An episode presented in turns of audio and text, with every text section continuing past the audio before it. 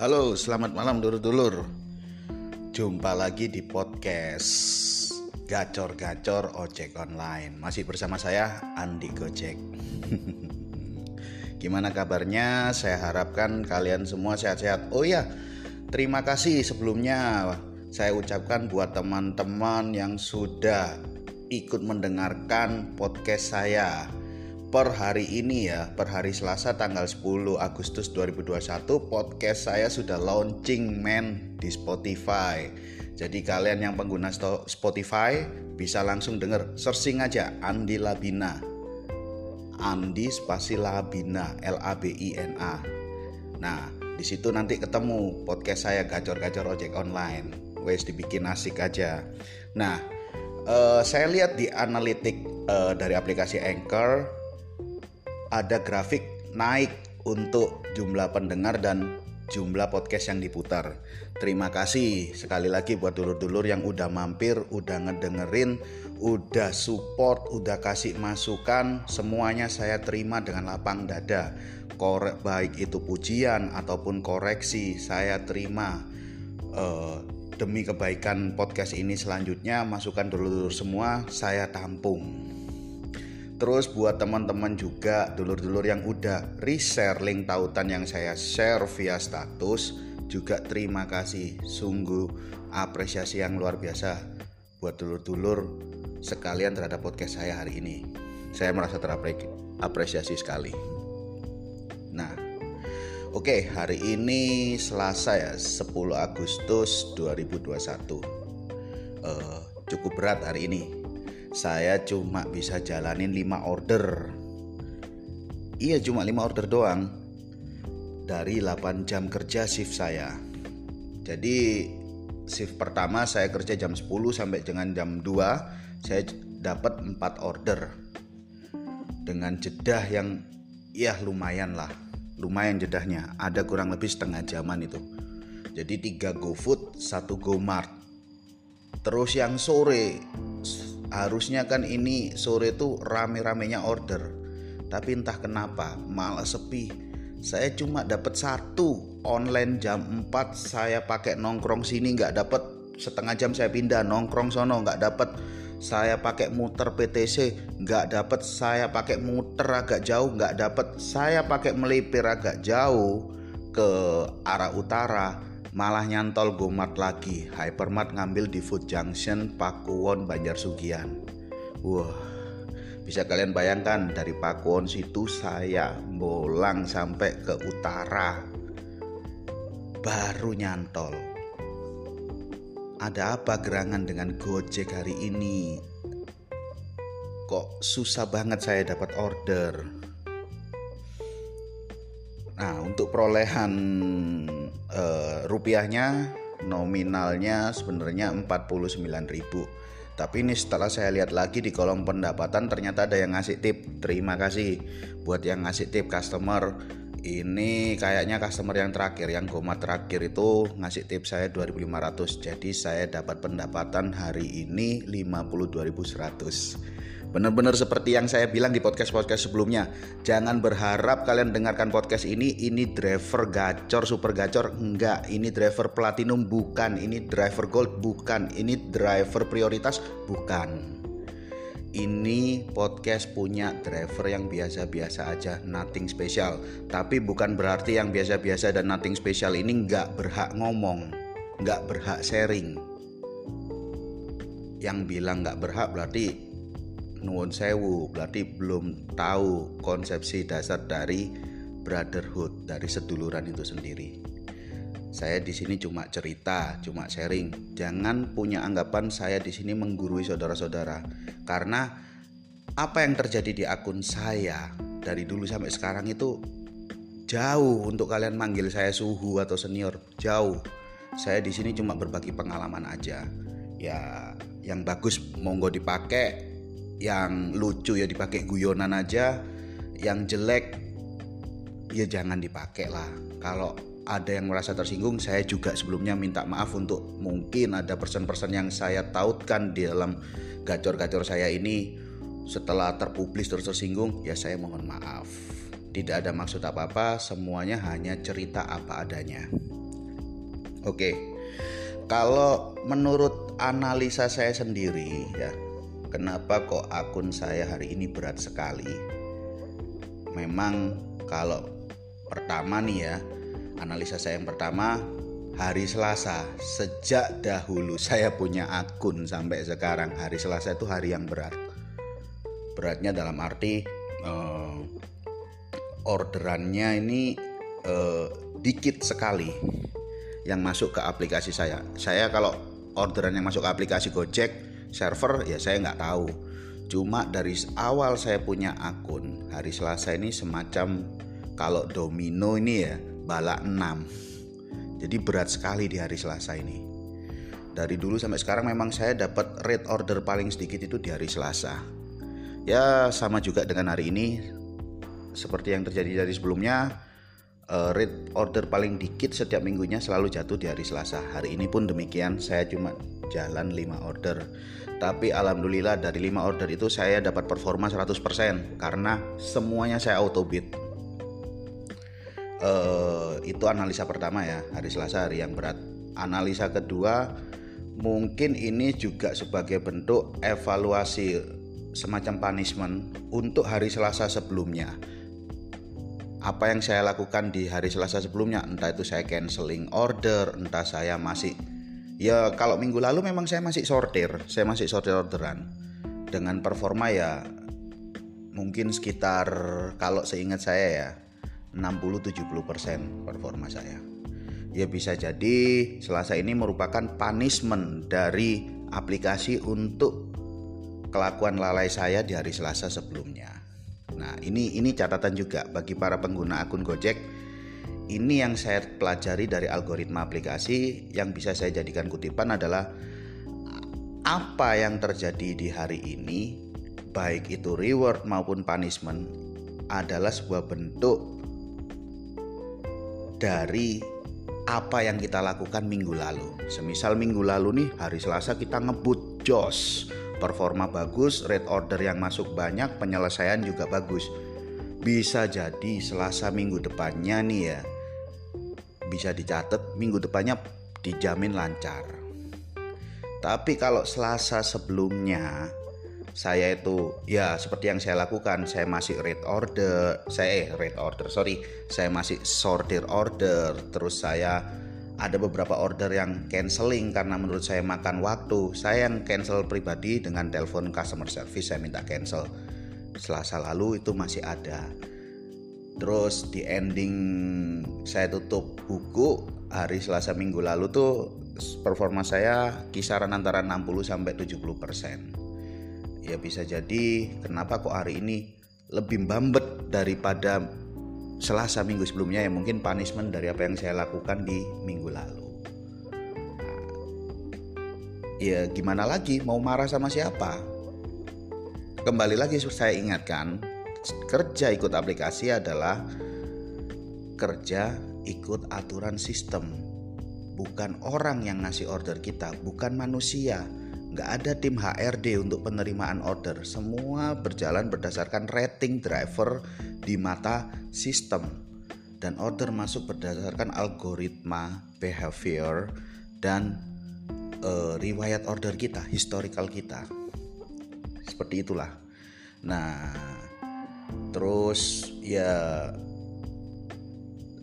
nggak cuma saya aja ternyata yang bilang hari Selasa ini hari yang sulit. Beberapa teman yang sempat ngobrol juga sempat sambat sebelumnya mengenai waduh ini jedahnya lama banget. Wih, iki suwene oleh order. Ternyata hampir sebagian besar driver yang saya kenal yang main di area PTC dari tahun ke tahun kalau mereka memang pemain lama, mereka mesti apal. Hari Selasa ini hari down-downnya order di PTC dalam satu minggu kenapa hari Selasa? Itu saya juga nggak tahu. Tapi kalau e, analitik untuk akun saya sendiri memang dari sejak saya dapat akun sampai dengan sekarang hari Selasa itu memang hari yang berat. E, kalau untuk dapat 52.100 di nominal pendapatan ya mau gimana lagi? Tetap saya syukuri. Karena seperti yang saya bilang juga di podcast saya sebelumnya pendapatan di bawah ini pun saya itu pernah keliling-keliling satu hari dapat cuma 45 ribu itu saya juga pernah. Jadi kalau sekarang saya dapat 52.100 bukankah itu seharusnya nilai yang memang pantas saya syukuri? Nah, kalau kita memang berjiwa besar yos let it flow lah let it flow. Nggak nggak ada yang perlu dibikin sakit hati nggak ada yang perlu dibikin baper. Besok masih ada hari besok masih ada kesempatan untuk kita do the best again untuk memperbaiki performa aplikasi kita supaya mampu bersaing di era yang susah seperti ini. Nah, cuma untuk hari ini saya punya cerita menarik. Ketika ya order pertama saya harus ambil food di PTC, ini saya kaget ya. Ini sambil cerita ya. Saya kaget masuk PTC di depan mall. Duh, ada apa ini? Kok ada kerumunan? Lumayan banyak orang ngantri di depan PTC apa ini efek dari PPKM yang diperpanjang lagi? Driver ndak boleh masuk atau gimana atau gimana? Ah saya belum tahu. Ya saya deketin aja. Pada saat itu kurang lebih saya masuk mall PTC orderan pertama jam 11 jadi saya on jam 10 satu jam kemudian saya baru dapat order jam 11 Nah, saya masuk kok ada kerumunan. Saya lihat, saya lihat, saya lihat. Oh, ternyata ternyata oh ternyata eh, apa yang saya lihat di berita di televisi tadi pagi itu ternyata serentak. Yang tadi pagi saya lihat di berita itu kan aturan di Jakarta. Nah, ternyata serentak hari ini juga dilakukan di Surabaya. Ya, efek juga dari Lord Luhut kemarin malam menyatakan bahwasanya PPKM diperpanjang lagi sampai dengan 16 Agustus. Lah, di hari pertama perpanjangan PPKM minggu ini ternyata pemerintah juga udah mulai sosialisasi untuk aplikasi baru bikinan pemerintah yaitu aplikasinya namanya Peduli Lindungi. Buat dulur-dulur uh, driver ojek online apa aja. Terus ya yang dalam minggu-minggu ini punya cita-cita angan-angan mau nge-mall. Lebih baik install aplikasi itu dulu. Karena kalian semua baru boleh masuk mall setelah install aplikasi itu. Kenapa kok harus install aplikasi itu. Jadi gini sistemnya. Uh, kita masuk mall di era ppkm sekarang yang perpanjangan baru lagi ini uh, kita masuk mall tuh uh, harus check in dulu. Jadi di aplikasi peduli lindungi itu kita download dulu ya. Kita download kita masukin nama nomor telepon. Ya kayak biasa kita uh, register aplikasi baru lah. Seperti itu Terus nanti ada di fitur akun itu kita masukkan nama lengkap kita berikut NIK, nomor KTP kita, nomor induk kependudukan kita masukkan. Nah, setelah data itu kita sinkron, kita klik simpan data, maka dari situ riwayat kita akan tertracking. Tertracking ini dalam arti uh, untuk dalam tanda kutip masalah COVID ya orang yang bersangkutan yang sudah menyimpan datanya itu akan kelihatan historinya. Yang bersangkutan ini apakah sudah melakukan vaksinasi, baik itu vaksinasi tahap pertama, tahap kedua, ataupun belum divaksinasi sama sekali, itu akan kelihatan dari aplikasi itu. Jadi cara monitoringnya mungkin ya cara dari pemerintah untuk monitoring siapa-siapa saja yang belum divaksinasi terus uh, riwa-riwi akses masuk ruang publik mungkin melalui aplikasi ini. Menurut saya mungkin seperti itu. Nah, jadi pada saat ini kan saya sudah melakukan vaksinasi yang pertama. Nah, tanggal 5 Agustus kemarin. Jadi ketika saya masukkan nama NIK, langsung auto muncul sertifikat vaksin saya yang pertama tuh ada. Nah, untuk masuk mall yang ditunjukkan kalau untuk Pakuan Group loh ya, ini nggak tahu lagi untuk mall lain di kota lain ataupun di sama-sama Surabaya tapi mall lain di luar Pakuan Group saya nggak tahu uh, standarisasi manajemennya gimana? Kalau di Pakuan Group ya di PTC yang saya alami tadi itu ketika kita sudah login, kita sudah punya aplikasi itu, kita di depan PTC itu ada semacam QR code yang dicetak di poster besar, kita suruh scan QR code-nya itu. Nah, nanti setelah kita scan akan muncul notifikasi bahwasanya eh, yang kita scan itu adalah QR code dari Pakuan Trade Center. Lalu kita klik check in. Nah, ketika kita klik check in akan muncul pop up lagi berupa tiket. Tiket virtual ya kayak semacam tiket kereta yang kalian beli online atau tiket bioskop yang kalian beli online. Jadi tiket itu yang kalian tunjukkan nanti ke security saat sebelum masuk mall. Seperti itu. Jadi tiketnya kita tunjukin, security pun langsung, oh ya welcome, silakan masuk. Nah, yang belum install yang belum tahu ya ya bingung di depan ini mesti gimana ini beberapa rekan saya juga mengalami seperti itu belum. Jadi mungkin untuk rekan-rekan driver bukan driver pun juga nggak masalah.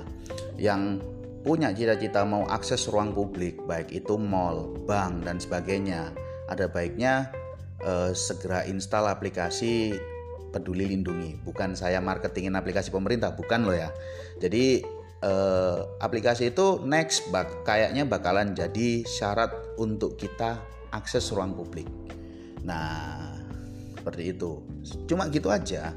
Kalau di Pakuan nggak sampai dicek, nggak sampai dicek ya. Ini saya luruskan ada info yang beredar di grup WhatsApp bahwasanya masuk Mall Pakuan dimintai surat vaksin belum di Pakuan belum ada dimintai surat vaksin. Cuma suruh check in melalui aplikasi itu.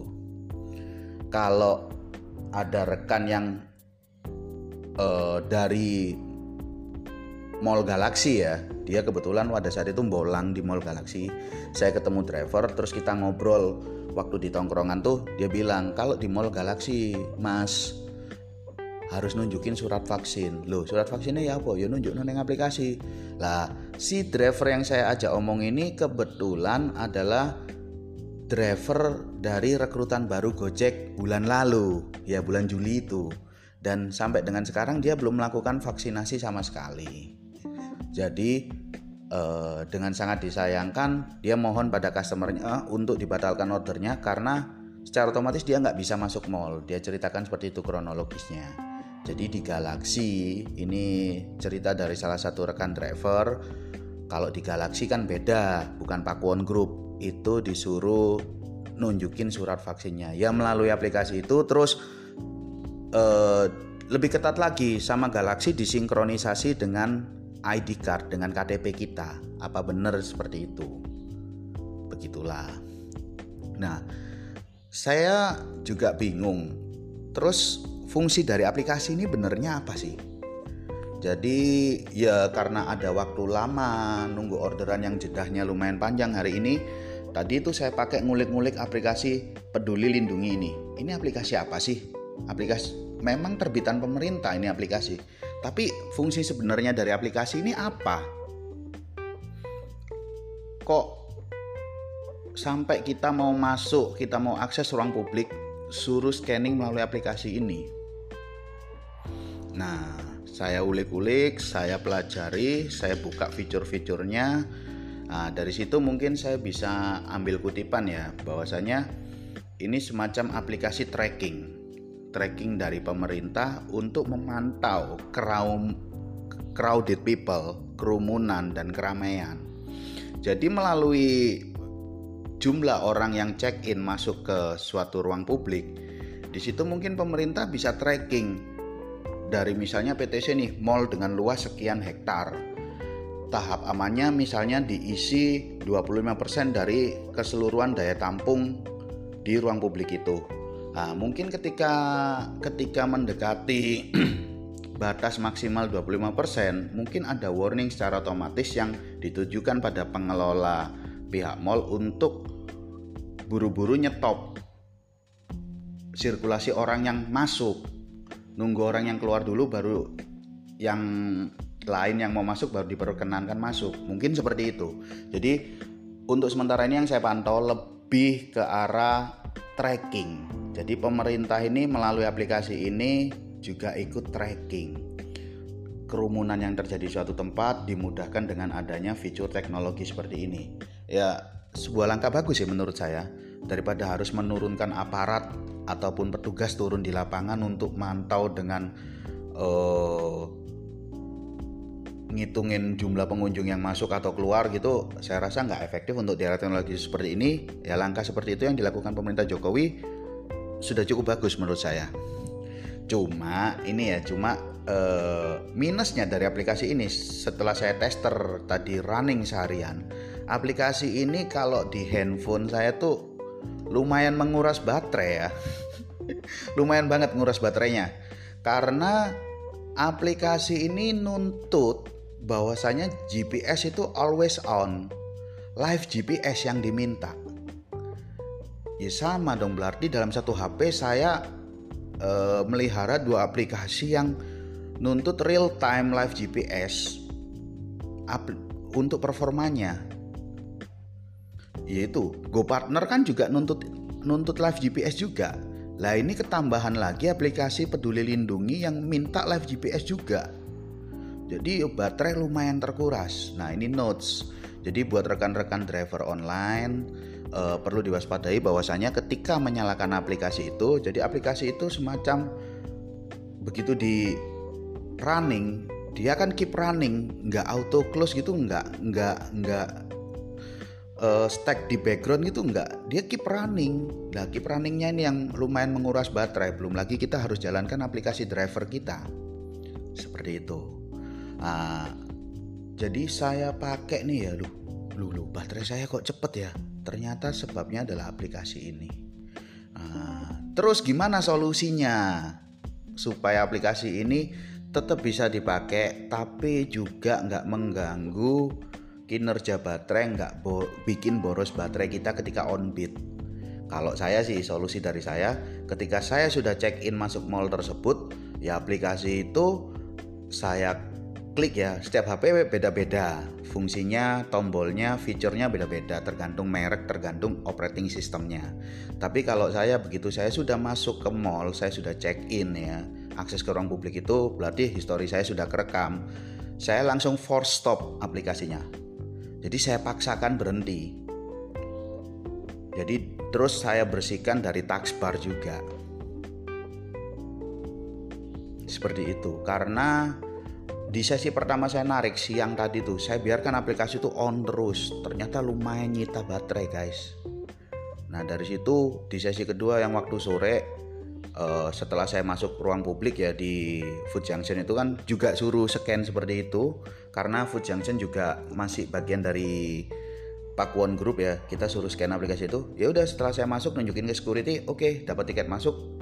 Monggo welcome. Nah itu aplikasi langsung saya force stop, saya bersihkan dari taskbar supaya nggak mengganggu aktivitas kita saat on beat karena baterai terkuras habis. Nah seperti itu. Terus ya uh, saya sih terus terang kalau saya dari saya pribadi di luar aplikasi Go Partner yang memang kita pakai untuk bekerja ya saya kur saya merasa insecure ya untuk aplikasi-aplikasi tertentu yang menuntut kita live GPS. Jadi secara nggak langsung kan aplikasi ini memonitoring gerak-gerik kita, men-tracking ke mana aja kita pergi setiap hari. Jangan salah loh, setiap check-in kita itu nanti ke depannya bakalan jadi data dan dari data itu bisa diolah jadi insight. Dari insight itu akan muncul behavior-behavior ternyata orang ini seperti ini akan muncul kemungkinan-kemungkinan yang bisa diterjemahkan dalam bahasa aplikasi berupa behavior orang ini ternyata seperti ini seperti ini jadi data dan gerak-gerik kita akan tertracking. Nah untungnya ini aplikasi punya pemerintah ya bukan punya swasta. Jadi ya kita percaya dengan adanya seperti ini pemerintah nggak nggak ada uh, bukan suatu yang kriminal. Tetap pemerintah meskipun itu pemerintah kita juga saya percaya pemerintah juga tetap bisa menghargai privasi kita tetap bisa. Cuma dari saya sendiri sih ya selain nguras baterai saya juga ngerasa insecure untuk aplikasi-aplikasi yang men-tracking riwayat jejak saya secara online men apa uh, live GPS kita itu ke mana aja. Itu saya sih pribadi untuk aplikasi ini ya kurang kurang nyaman dan insecure-nya sih di situ. Ngapain harus uh, mantau saya live location saya? Seperti itu loh. Jadi makanya itu ketika ya nggak perlu ketika sudah check in kan berarti kita nggak perlu lagi itu untuk masalah sertifikat vaksin dan sebagainya. Ketika kita sudah login dia akan auto auto sinkron jadi ketika masuk ada public public space tertentu yang menuntut kita untuk menunjukkan bahwasanya kita sudah pernah divaksin atau belum. Ya kita tinggal tunjukkan aja di riwayat sertifikat vaksin. Itu sudah tersimpan otomatis di aplikasi. Cuma itu tadi yang saya masih insecure itu dengan kenapa kok harus live GPS ini selalu on ketika aplikasi dinyalakan dan aplikasi langsung running di HP selama seharian kalau nggak di force stop juga nggak mati itu aplikasinya. Nah ini mungkin yang menurut saya uh, unforgettable, uncomfortable thing dari aplikasi peduli lindungi. Juga ya selain di sisi nguras baterai juga ya Terus, oh ya, notes lagi nih buat teman-teman yang kemarin sudah divaksin, eh, tolong diingat-ingat lagi kemarin waktu vaksin tuh waktu dicatat nomor handphonenya tuh nomor handphone yang mana? Ini perlu digarisbawahi karena ada beberapa rekan tadi di lapangan ya, termasuk eh, keluarga saya juga. Dia saat ditanya waktu prosesi vaksin tuh nomor yang dipakai dengan nomor yang dipakai login di aplikasi Peduli Lindungi ini berbeda. Meskipun dengan NIK dan nama personal yang sama, nama akun yang sama, misalnya punya saya, tapi nomor yang saya daftarkan nih beda saat waktu saya divaksin dengan saya pakai login ini beda. Itu bikin semacam ini unsynchronable data. Jadi data kita jadi nggak sinkron dan karena nomor HP yang dipakai untuk login di aplikasi itu beda dengan nomor HP yang kita daftarkan untuk pada saat vaksin ya. Jadinya itu orang-orang yang kasusnya seperti itu tuh sertifikat vaksinnya nggak muncul di aplikasi. Cuma tetap terekam ada data, ada data bahwasanya tetap tercatat orang ini sudah vaksin dua kali sudah vaksin satu kali ada. Rekam historinya ada tapi sertifikat vaksinnya nggak bisa keluar. Nggak nggak bisa auto sinkron muncul di aplikasi nggak bisa. Nah ini perlu di notes ya. Kalau bisa yang kita pakai login di aplikasi itu nomor yang sama dengan nomor yang kita daftarkan saat kita vaksin. Beruntunglah bagi kalian yang dari dulu sampai sekarang nomornya nggak ganti-ganti kalian tentu nggak bakal ngalamin hal itu. Tapi bagi orang-orang tertentu yang ya nomornya banyak sekali karena kebutuhan paket data kebutuhan gini dan sebagainya ya itu perlu di notes bahwasanya harus nomor yang sama saat dipakai untuk pendaftaran vaksin.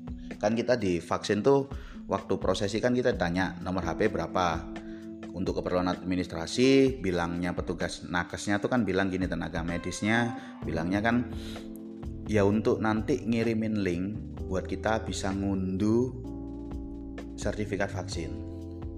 Seperti itu. Nah, itu aja sih. Tadi lumayan banyak waktu bagi saya buat ngulik-ngulik aplik aplikasi punya pemerintah yang ini nih peduli lindungi.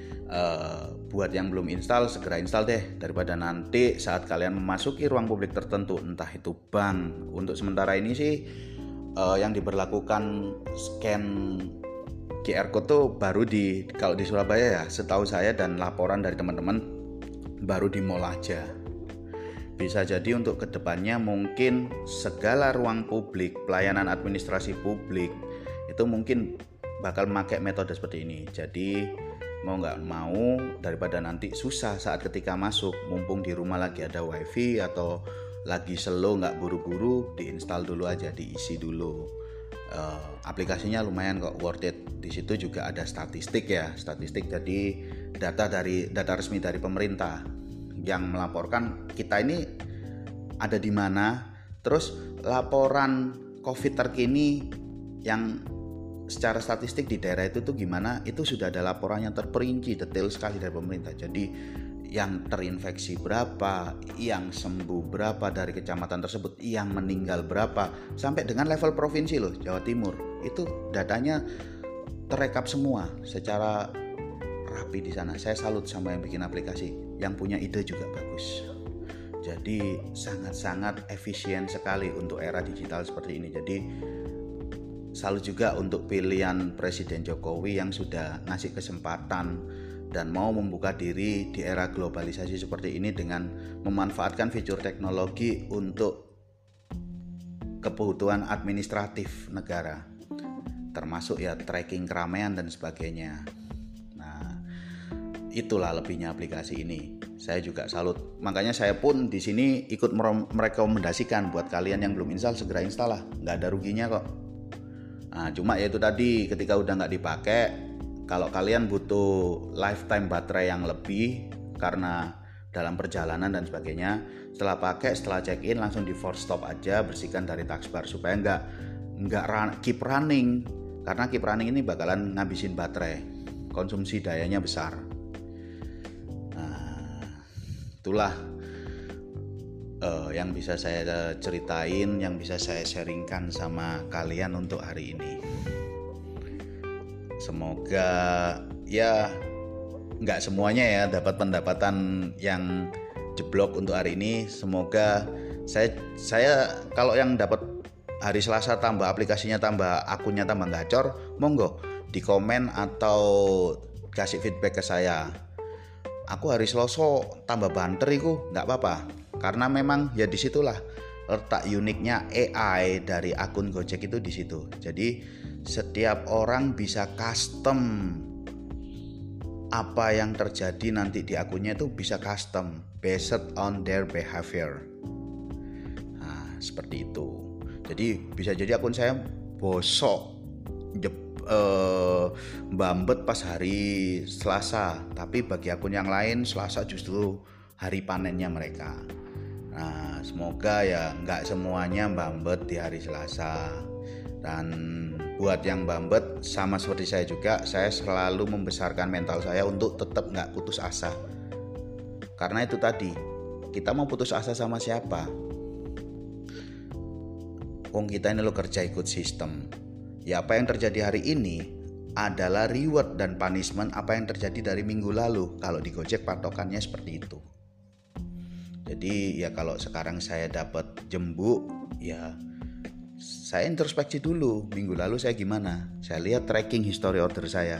Oh iya memang selasa minggu lalu riwayat saya memang agak buruk mengenai orderan yang beberapa kali saya cancel.